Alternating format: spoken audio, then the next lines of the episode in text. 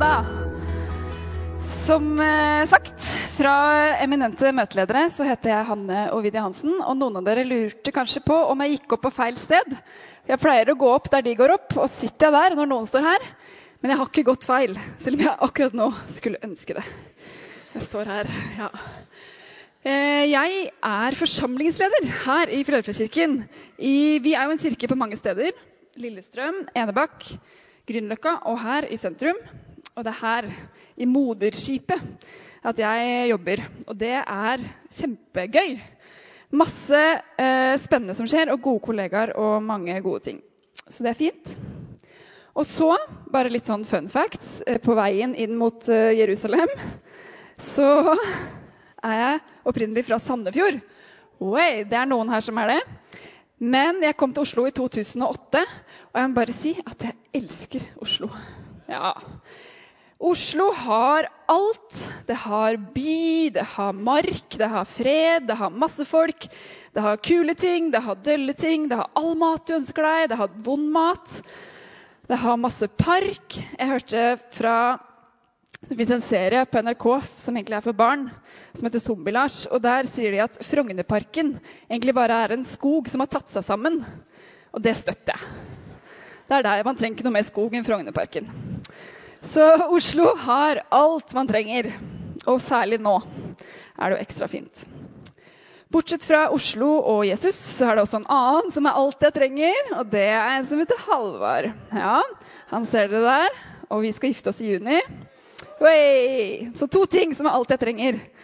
Ja, Og så kommer vi til serien, som også mest sannsynlig er ganske mye av det du trenger. Fordi vi er inne i en serie som heter 'Veien til Jerusalem'. Og det har vi vært ganske lenge. Over ti gudstjenester denne våren her, så har hele kirken lest tekster fra Bibelen sammen. Rett, eh, mer konkret så har vi lest fra Lukas evangelium. Vi starta i kapittel 9, der Jesus begynner å gjøre seg klar. Snur seg mot Jerusalem eh, og gjør seg klar for å gjøre det som ligger nå bare to uker foran oss. De tingene, de hendelsene som skulle forandre en hel verden. Og det er påsken. Så kom hjem og feir påske om to uker. Jeg har en liten niese, og hun er veldig glad i å bli lest for. Og hun er veldig søt. Hun heter Eivor, og hun spør om vi kan lese en bok. Så sier hun ha, tante, kan du lese? Fortell meg noe! Kan du lese? Og så ser hun på meg med verdens søteste dådyrøyne. Og som regel så vil hun lese den samme boka som vi nettopp har lest, og som vi leste tidligere på dagen, og som vi leste forrige uke og forrige uka der. Og av og til, når det som, når det kan se ut som hun ikke følger med, så eh, prøver jeg å ta en liten snarvei. Da forkorter jeg teksten litt, eller så hopper jeg over noen sider. Blar liksom veldig sånn tjukke blader videre. Eller så bare finner jeg på en oppsummering for å komme fort videre. Men Eivor har jo hørt fortellingen før. Så da er hun raskt på pletten og sier sånn Nei, men tante, nå glemte du noe. Nei, nå tuller du. Det er jo ikke sånn. Det er ikke sånn det er. Og De siste månedene så er det en bok som heter 'Den kjempestore pæra', som har gått på repeat. Og det er veldig fascinerende, fordi hun lar seg begeistre av de samme detaljene hver gang. Og hun lar seg overraske av de samme tingene hver gang. Og hun ler på de samme stedene hver gang. Igjen og igjen og igjen. Fortell mer, sier hun hvis jeg prøver å korte ned. Fortell mer, les videre.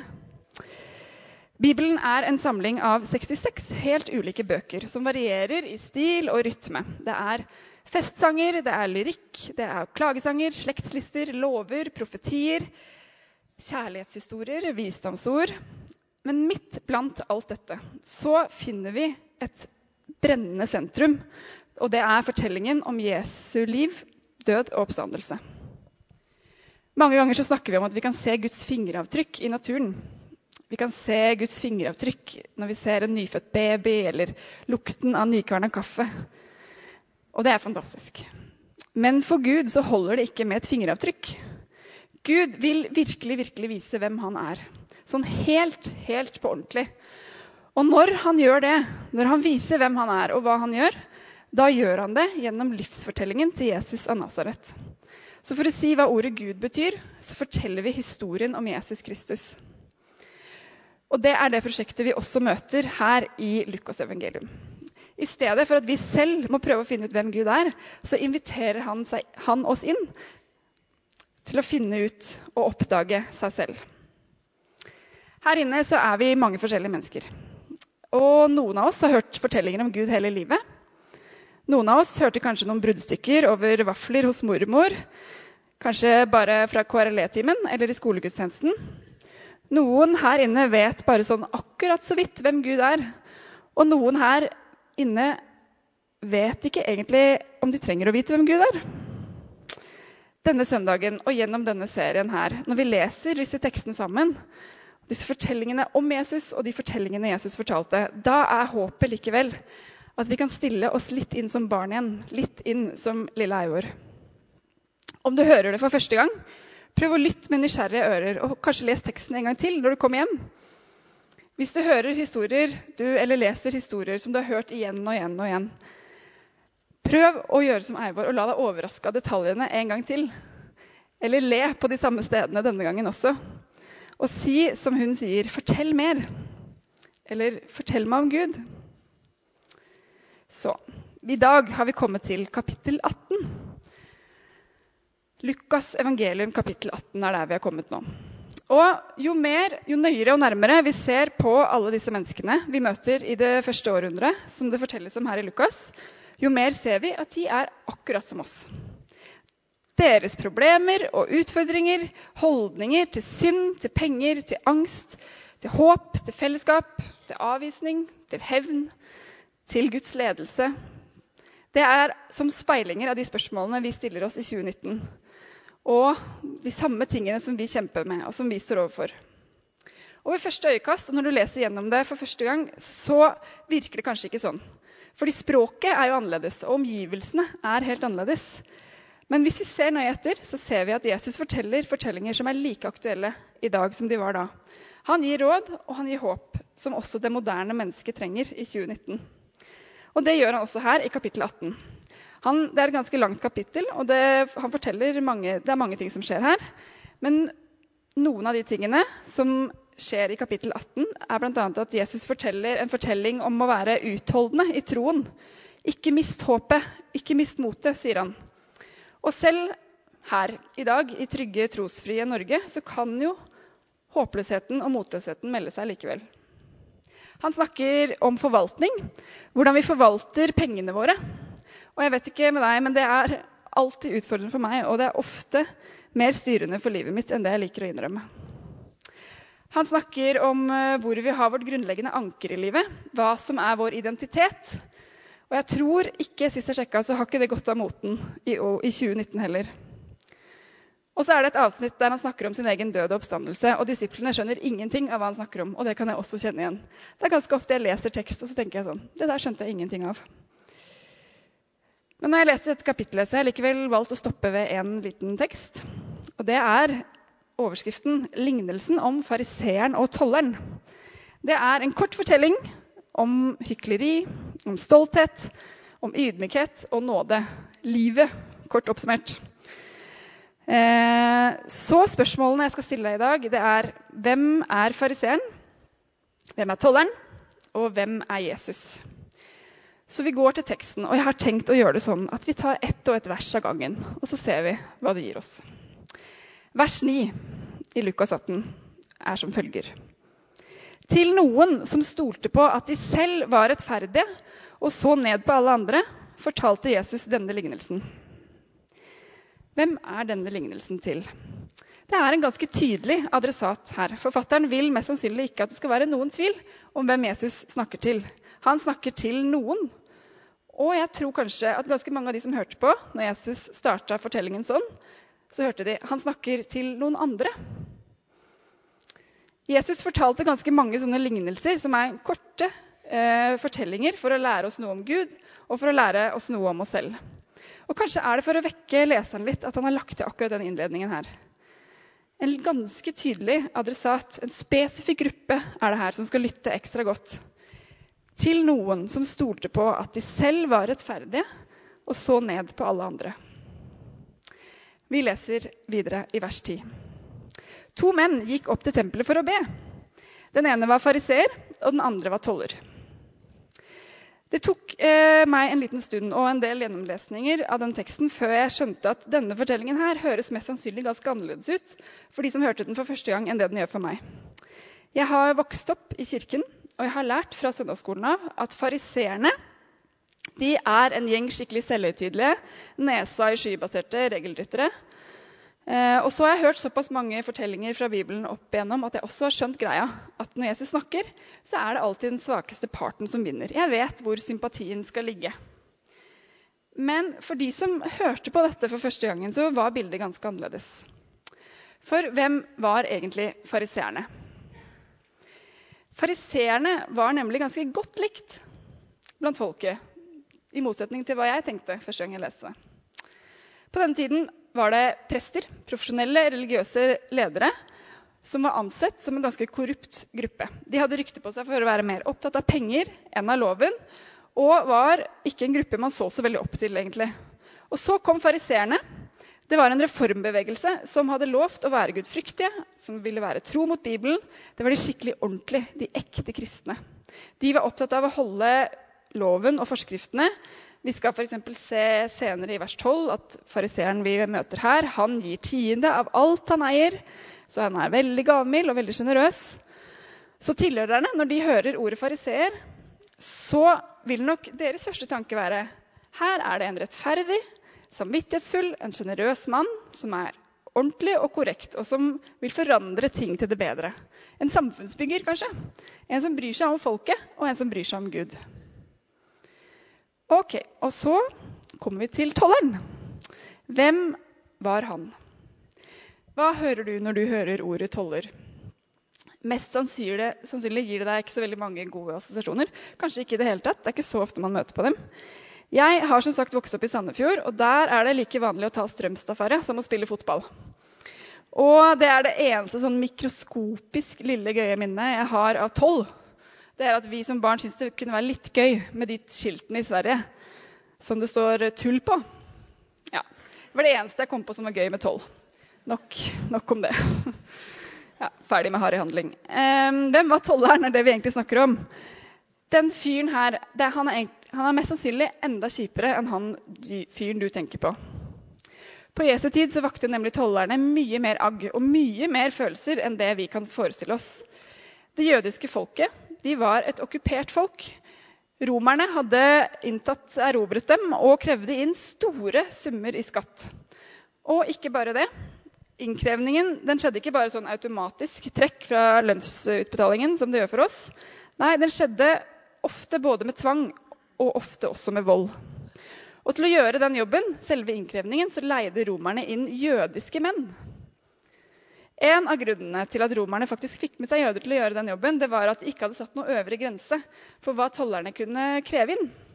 Romerne de lovte å hjelpe til, de kunne stille med soldater hvis det var det som trengtes, og sa til tollerne at dere kan kreve inn så mye dere vil, så lenge vi får det vi skal ha.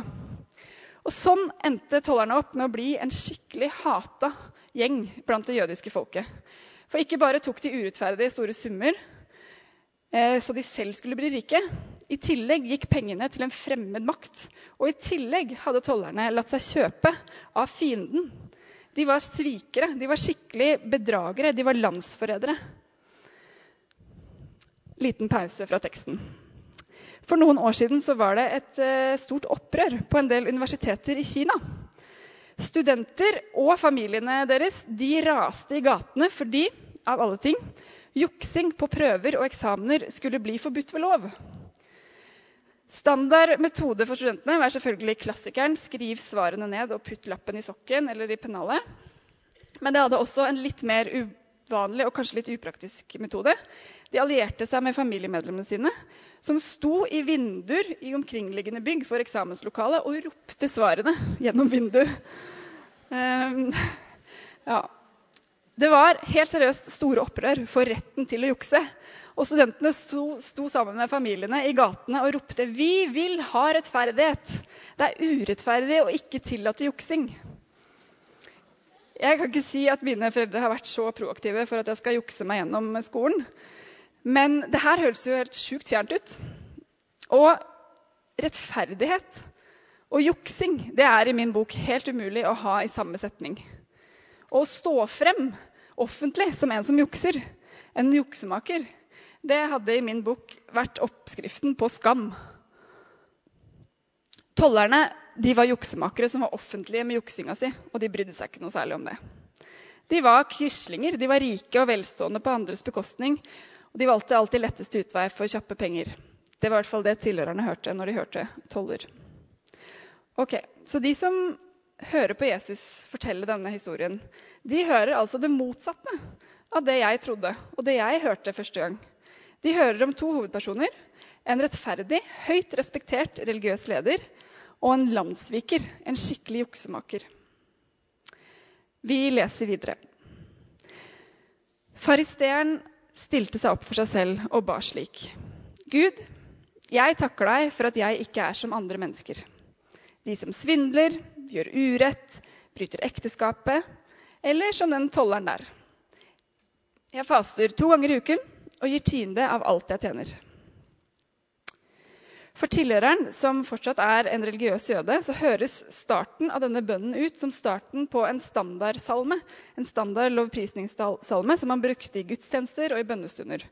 Og det handla i all hovedsak om å si noe om å takke for noe stort Gud har gjort, eller noe han har velsigna den som ba med. Men hva er det fariseeren gjør her? Han takker jo for seg selv. Gud, jeg takker deg for at jeg ikke for at du. Og han understreker med å slenge på merittlisten sin jeg faster to ganger i uken og gir tiende av alt jeg tjener. Fasten gir deg kanskje ikke så mange andre assosiasjoner enn sult. Men for de som hørte på, så var dette veldig imponerende. Fordi loven krevde egentlig bare at religiøse jøder skulle faste én gang i året. Men her kommer vår mann og faster to ganger i uka. I tillegg så sa loven noe om at han skulle gi tiende av inntekten sin. Men hvis man leser teksten nærmere, så kan det virke som at fariseeren her har strukket seg enda lenger enn det. Han gir ikke bare av inntekten sin, han gir også tiende av alt han eier, og av maten sin. Så dette er en skikkelig idealist. En supersjenerøs idealist. Jeg tipper han er sånn type som kildesorterer plastlokket på leverposteiboksen. Han har slutta å fly og tar tog hvis han skal til Bali. Han har kjøttfri fredag, selv om det er den kjipeste dagen, for det er tacodagen. Eh, han er opptatt av mangfold og likeverd, og han vil at oljefondet skal ut av uetiske selskaper. Han er eh, en sånn type som jeg sikkert hadde sett litt opp til. Han er radikal i sine valg, og han gjennomfører alt det han har satt seg fore. Han er et skikkelig ordentlig menneske. Og så er han også en som har lyst til å vise det litt fram. Et lite tankeeksperiment her. Hvordan hadde denne bønnen vært hvis det var du som ba den?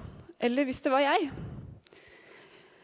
Gud, takk for at jeg ikke er som alle de andre. Som han der fra barneskolen som jeg tenker på nå, og som hun, og som de der lavpanna Paradise-deltakerne.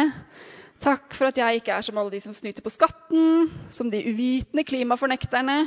Takk for at jeg ikke er sånn som ikke tenker før jeg skriver noe på Internett, eller som de som ikke følger med på nyheter. Kanskje er det ikke en bønn vi ber heller, men kanskje hvis vi skal være ærlige, tanker som vi egentlig bærer med oss allikevel.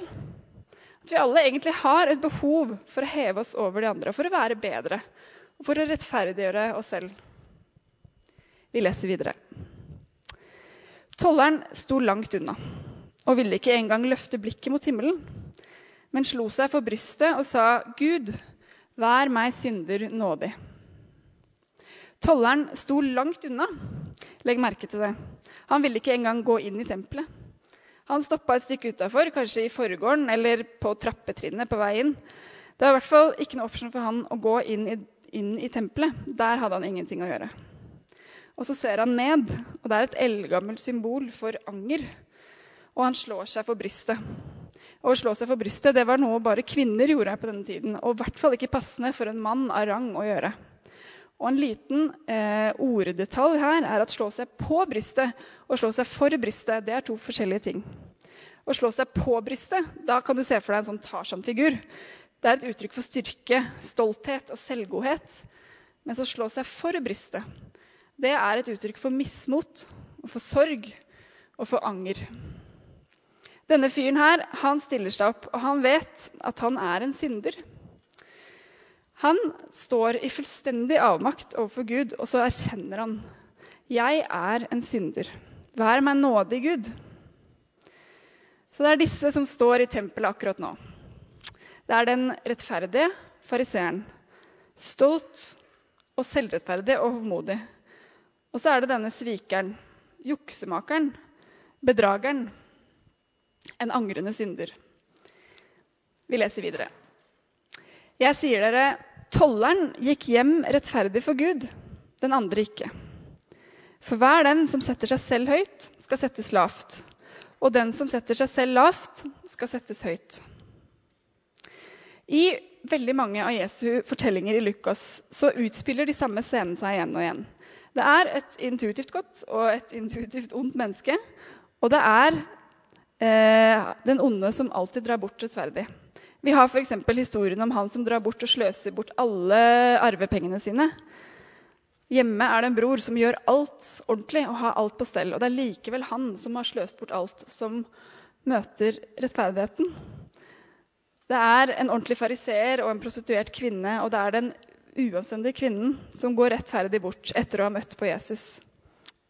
Jesus viser det igjen og igjen og igjen gjennom lignelser og fortellinger og historier at den vi intuitivt tenker er god, er den som går fortapt, mens den vi ser ned på, går rettferdig bort. Hvorfor gjør han det?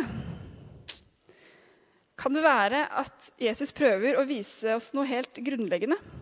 Et slags sånn opprørsk prosjekt som vi kan kjenne igjen helt inn i vår tid? Kanskje er det at han vil vise oss vår menneskelige trang til å prøve å være herre i eget liv. Det er to måter sikkert flere, men i hvert fall to måter å være Gud i eget liv på. Det ene er at du kan gjøre som tolleren. Leve akkurat som du vil uten å bry deg om noen konsekvenser. Tråkke på andre for å heve deg selv. Sko seg på andres bekostning. Jukse seg frem til seier. Eller du kan gjøre som fariseeren. Og være veldig, veldig, veldig god. Og veldig moralsk korrekt. Gjøre gode handlinger og være rettferdig hele tiden. Og så kommer du og sier nå skylder du meg, Gud. Ser du ikke alt det bra jeg har gjort? Eller folkens, se på alt det gode her som jeg har gjort. Nå skylder dere å gi meg noe tilbake. Og Kan det være at det er det som skjer med fariseeren akkurat her? At han prøver å være sin egen frelser? Gud er kanskje en han ber til, men det er han selv og sin egen styrke, sine egne gjerninger, som er det han tror skal frelse ham, og som også skal gjøre at han blir godtatt og invitert hos Gud. Hva er det tydeligste tegnet på at du og jeg vil være vår egen Gud? Hva er tegnet på at jeg er en hykler? Selv om jeg gjør masse gode ting, selv om jeg er moralsk, og selv om jeg gir og er ordentlig. Jo, kanskje er det akkurat det her. At jeg likevel ser ned på andre mennesker. Jeg ser ned på folk. Jeg er selvrettferdig, og jeg er overlegen. Kan det være sånn at vi av og til velger oss ut noen synder som vi ikke opplever at vi har så store problemer med selv, og så hoverer vi over andre? Det er jo veldig smart. Da kan du både få snakka masse og fremhevet det du får til selv, og du kan få sagt noe om noen andre som ikke fikk det til like bra. Og da føler man seg jo bedre. Og det er ganske menneskelig. Eller kanskje er det bare meg. Fariseeren har gjort seg selv til dommer. Til dommer over seg selv og til dommer over andre. Men hvis man selv er dommer, hvem er Gud da? Det er veldig vanskelig å dømme både seg selv og andre rettferdig. Og hvis du selv er dommer, så betyr jo det at du også er den som skal dele ut belønning. Et uh, lite eksempel fra en faktisk domstol på hvor vanskelig det kan være å dømme rettferdig. Det er saken som har gått for uh, Høyesterett denne, denne høsten mellom etterforskeren og politimannen Eirik Jensen og Gjermund Cappelen, leder for en stor hasjliga. De har vært i retten i seks lange måneder. Og i januar i år så avsa juryen sin dom. Og de dømte Eirik Jensen skyldig på ett punkt og uskyldig på et annet. Og det var et jurymedlem som lekka til pressen, selv om man kanskje egentlig ikke skal gjøre det, så lekka til pressen at juryen hadde Det var seks av juryen, seks av de ti som hadde stemt skyldig på begge, og fire som hadde stemt for å frikjenne, fri, frikjenne han på det punktet. Så én stemme mindre enn kravet for å finne han skyldig. Og ikke nok med at juryen var internt uenige, for når de først hadde sagt hva de syns, så kom det noen fagdommere og sa nei, det er vi uenig i. Vi tror han er skyldig i alt. Så her er det en sak med tusenvis av bevis, hundrevis av vitner, mange folk i juryen og fagdommere som vurderer hvilke av disse tusenvis av bevisene skal vi stole på, hvilke av vitnene er sannferdige, hva er det som skal veie tyngst. Og så blir det en slags kompromissløsning, og så tilsidesettes den dommen allikevel. Og så blir jo spørsmålet hva er det som egentlig er en rett og en rettferdig dom? Det er veldig vanskelig å dømme både seg selv og andre rettferdig. Og hvis det er en selv som er dommer, så betyr jo det at det er også du som skal dele ut belønning. Det er sagt at um, en stolt mann er sjelden en takknemlig mann fordi han tror sjelden han har fått så mye belønning som han fortjener. Tilbake til teksten.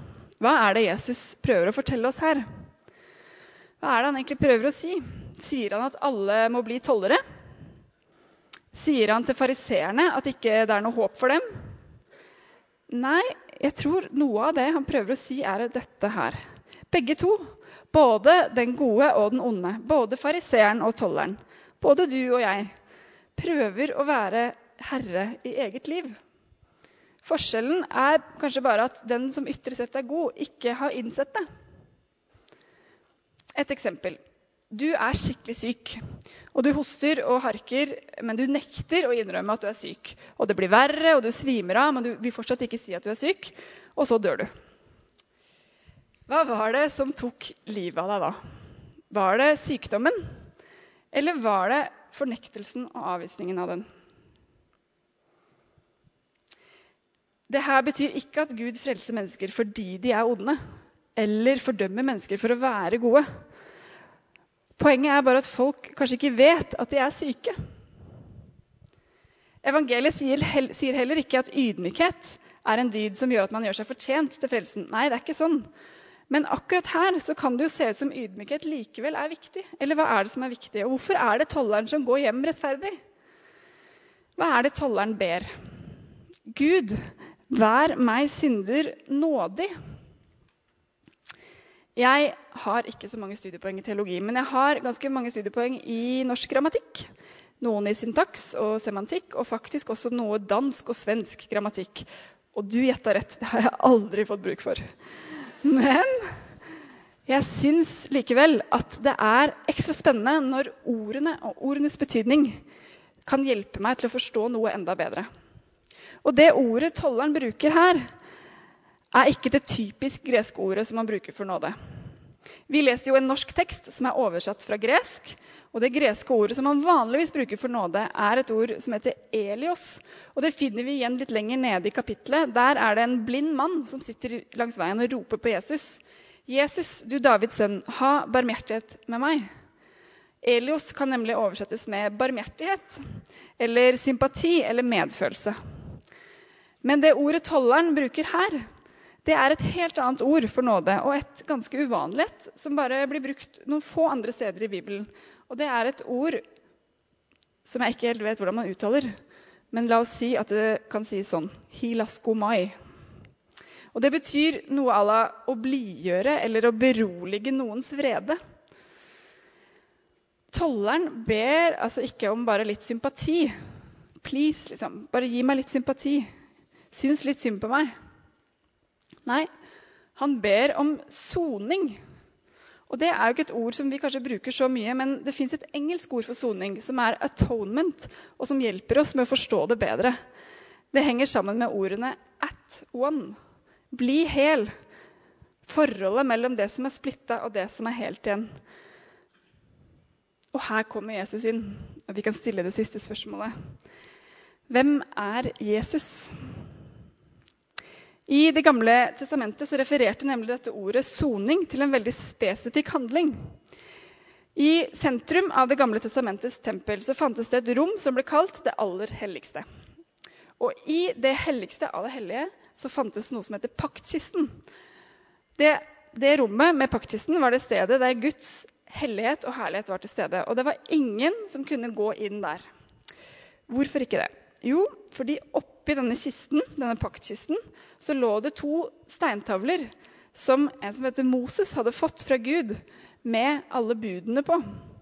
Og alle som kom i nærheten av Guds hellighet, ville bli evaluert og dømt etter disse budene. Og da visste man at da ville ingen kunne komme unna uten å bli dømt. Fordi Gud er helt hellig og uten feil, og vi kommer alltid til kort sammenligna med det. Og Derfor kunne ingen gå inn, bortsett fra øverstepresten, én gang i året. Og Da gikk han inn for å snakke med Gud på vegne av folket og for å få Guds velsignelse på folkets vegne. Og han kunne bare gå inn, fordi over paktkisten så lå det en sånn plate av gull som beskytta deg mot det loven, loven som lå inni kista. Den plata av gull den ble kalt forskjellige ting. Nådesetet, nådestolen eller soningsstedet.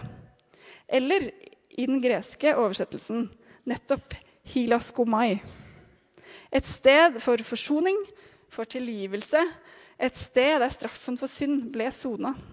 For atonement. Og Hvis øverstepresten kom inn med blodet fra et dyr han hadde ofra på folkets vegne, og la det blodet strøk det over dette soningsstedet som et bilde på menneskets blod, da, han, da hadde han ofra og sona foran Gud og kunne gå inn i det aller helligste. Fordi gjennom offeret fikk man syndenes tilgivelse, og øverstepresten kunne nærme seg Gud på vegne av folket. Og det er dette tolleren ber om. Han ber ikke bare om litt sympati, han roper etter soning, etter forsoning, etter å bli hel igjen. Og han vet det som kanskje vi også vet innerst inne når selvrettferdighetens tåke legger seg, og vi virkelig ser hvem vi er. For hvis det fins en Gud som skapte oss, en Gud som holder oss i live, som gir oss liv hvert eneste sekund, da er vår naturlige respons å gjøre alt vi kan for Han. Absolutt alt. At Han kommer først i alt vi gjør, i alle valg. Vi kan ikke elske noen andre enn Han. Men så vet vi jo også at vi er ikke i nærheten av å få det til. Tenk deg hvis du hadde gitt absolutt alt for noen. Du hadde satt alle dine egne planer til side, brukt alle pengene dine, all tiden, bare gitt jernet for denne personen. Og så opplevde du bare å få 100% utakknemlighet tilbake. Da ville du jo mest sannsynlig kutta kontakten med dette mennesket ganske kjapt. Du ville i hvert fall blitt dritsint. Kanskje hadde du kjent at ah, jeg skulle ønske dette mennesket opplevde noe skikkelig, skikkelig kjipt. Det hadde vært det mest rettferdige nå. Og jeg tror det er det tolleren skjønner her at han fortjener. Jeg skjønner Gud, at jeg fortjener den straffen. Jeg har jo juksa meg fram her i livet. Det ligger folk i grøftekanten etter meg. Men nå kommer jeg her foran deg allikevel. Og så ber jeg Gud, vær meg nådig. Jeg trenger soning. Jeg trenger å bli hel igjen. Det eneste andre stedet i Det nye testamentet som det her ordet hilaskomai dukker opp, det er i Hebreerne kapittel 2. Og Der skriver Paulus Derfor måtte han, som er Jesus, på alle måter bli lik sine søsken, som er oss, så han kunne være en barmhjertig og trofast øversteprest for Gud og sone folkets synder. I Det gamle testamentets tempel så måtte folket stå igjen utafor. Når Jesus kommer fram til Jerusalem om to uker fra nå, når han kom frem for å dø og ta på seg all verdens skyld, da skjer det utafor byen. Langt unna tempelet. Langt unna det aller, aller helligste. Tilbake til Kina og jukseopprøret. Jeg kjemper ganske ofte for retten til å jukse. Jeg betaler skatt, og jeg baksnakker. Jeg henger bilde av et fadderbarn på kjøleskapet, og så kjøper jeg fire nye gensere når jeg allerede har sju jeg ikke bruker. Hvis vi i møte med Gud prøver å gjøre oss fortjent til hans anerkjennelse, og tro, så tror jeg at vi innerst inne skjønner at vi kanskje må jukse for å få det til. Og jeg tror at vi kanskje kommer til å møte Gud med tre ting. Uvitenhet, fordi da vet vi egentlig ikke hvem Gud er. Frykt, fordi vi vet at vi aldri vil kunne nå opp. Og uten tillit, fordi vi vet aldri om vi har gjort nok, om det vi har gjort, er godt nok. Jeg tror vi alle prøver å være noe vi ikke er. Vi vil ha det vi ikke har, og vi vil frelse oss selv og være herre i eget liv. Men kanskje kan det skje noe med oss når vi ser at Jesus han møter ikke folk bare helt der inne ved alterringen, i det aller helligste. Nei, han møter oss ute på kirketrappa. Han møter oss i grøfta. Han møter oss i hovmodet. Han møter oss i skammen, i stoltheten og i synden. Tolleren vet innerst inne at han ikke har noen ting å skryte av. Han vet at han ikke er rettferdig. Og kanskje betyr det at han også har forstått noe av friheten i Guds nåde. Og kanskje skjer det også noe med vår måte å møte andre mennesker på når vi vet at Gud ikke står der inne og venter eller forventer. Nei, han er en oppsøkende Gud. Han er der vi er. Han møter alle der ute på kirketrappa. Før vi i det hele tatt har kommet frem, så er han der med sin hilaskomai, sin nåde som gjør oss til ett med han, som gjør oss hele igjen. Så for å oppsummere litt helt til slutt Hvem er fariseeren? Jeg er fariseeren. En hykler, en som hever seg over andre, en som ofte skryter av alt det jeg får til, som går helt inn i tempelet for å be Gud om å gi meg det jeg jo har bevist at jeg fortjener. Jeg er en som ofte strever etter å være herre i eget liv. Hvem er tolleren, da? Jeg er tolleren. Jeg er en synder som innerst inne vet at jeg ikke fortjener noe som helst. Som har utnytta og lurt andre. Som ofte går bakveien inn, og som skammer meg, og som egentlig ikke tør eller vet om jeg kan vise meg her helt inne ved det aller helligste. Og hvem er Jesus? Jesus er frelseren. Jesus er frelseren. Han som møter oss i skammen, i stoltheten og i synden. Som møter oss helt der ute på det nederste trinnet, eller før vi i det hele tatt har tenkt på om vi skal tørre å gå det første skrittet opp. Han møter oss med sin nåde, som gjør oss hele igjen. Og så kan vi la det bli til to ting. Det kan bli hvile, fordi Jesus levde det livet som vi skulle ha levd. Og han døde den døden vi fortjente å dø. Og tok på seg alt så vi kan bli møtt med ny nåde hver eneste dag. Og det kan bli til en oppfordring og en utfordring for oss. At vi ved Hans nåde kan få være med på Guds oppsøkende prosjekt og få spre nettopp denne nåden, spre hans velsignelse til våre omgivelser, der vi er i våre hverdager. Skal vi be en bønn til slutt? Jesus Kristus, jeg innser at jeg er svakere og gjør veldig mange dumme ting. Ofte mer enn det jeg trodde jeg kom til å gjøre. Men gjennom deg så er jeg mer elska og mer akseptert enn jeg noen gang kunne turt å håpe på. Takk for at du gjør oss hele igjen. Og at uansett hvor mye vi strever, så møter du oss med din nåde. Med åpne armer, og du oppsøker oss med din kjærlighet som er helt betingelsesløs. Og så ber jeg om at det skal fylle oss både for uh, i vårt eget hjerte, og så det kan bli til velsignelse for andre. At vi får være en del av ditt rike i verden og spre din godhet der vi er. Amen.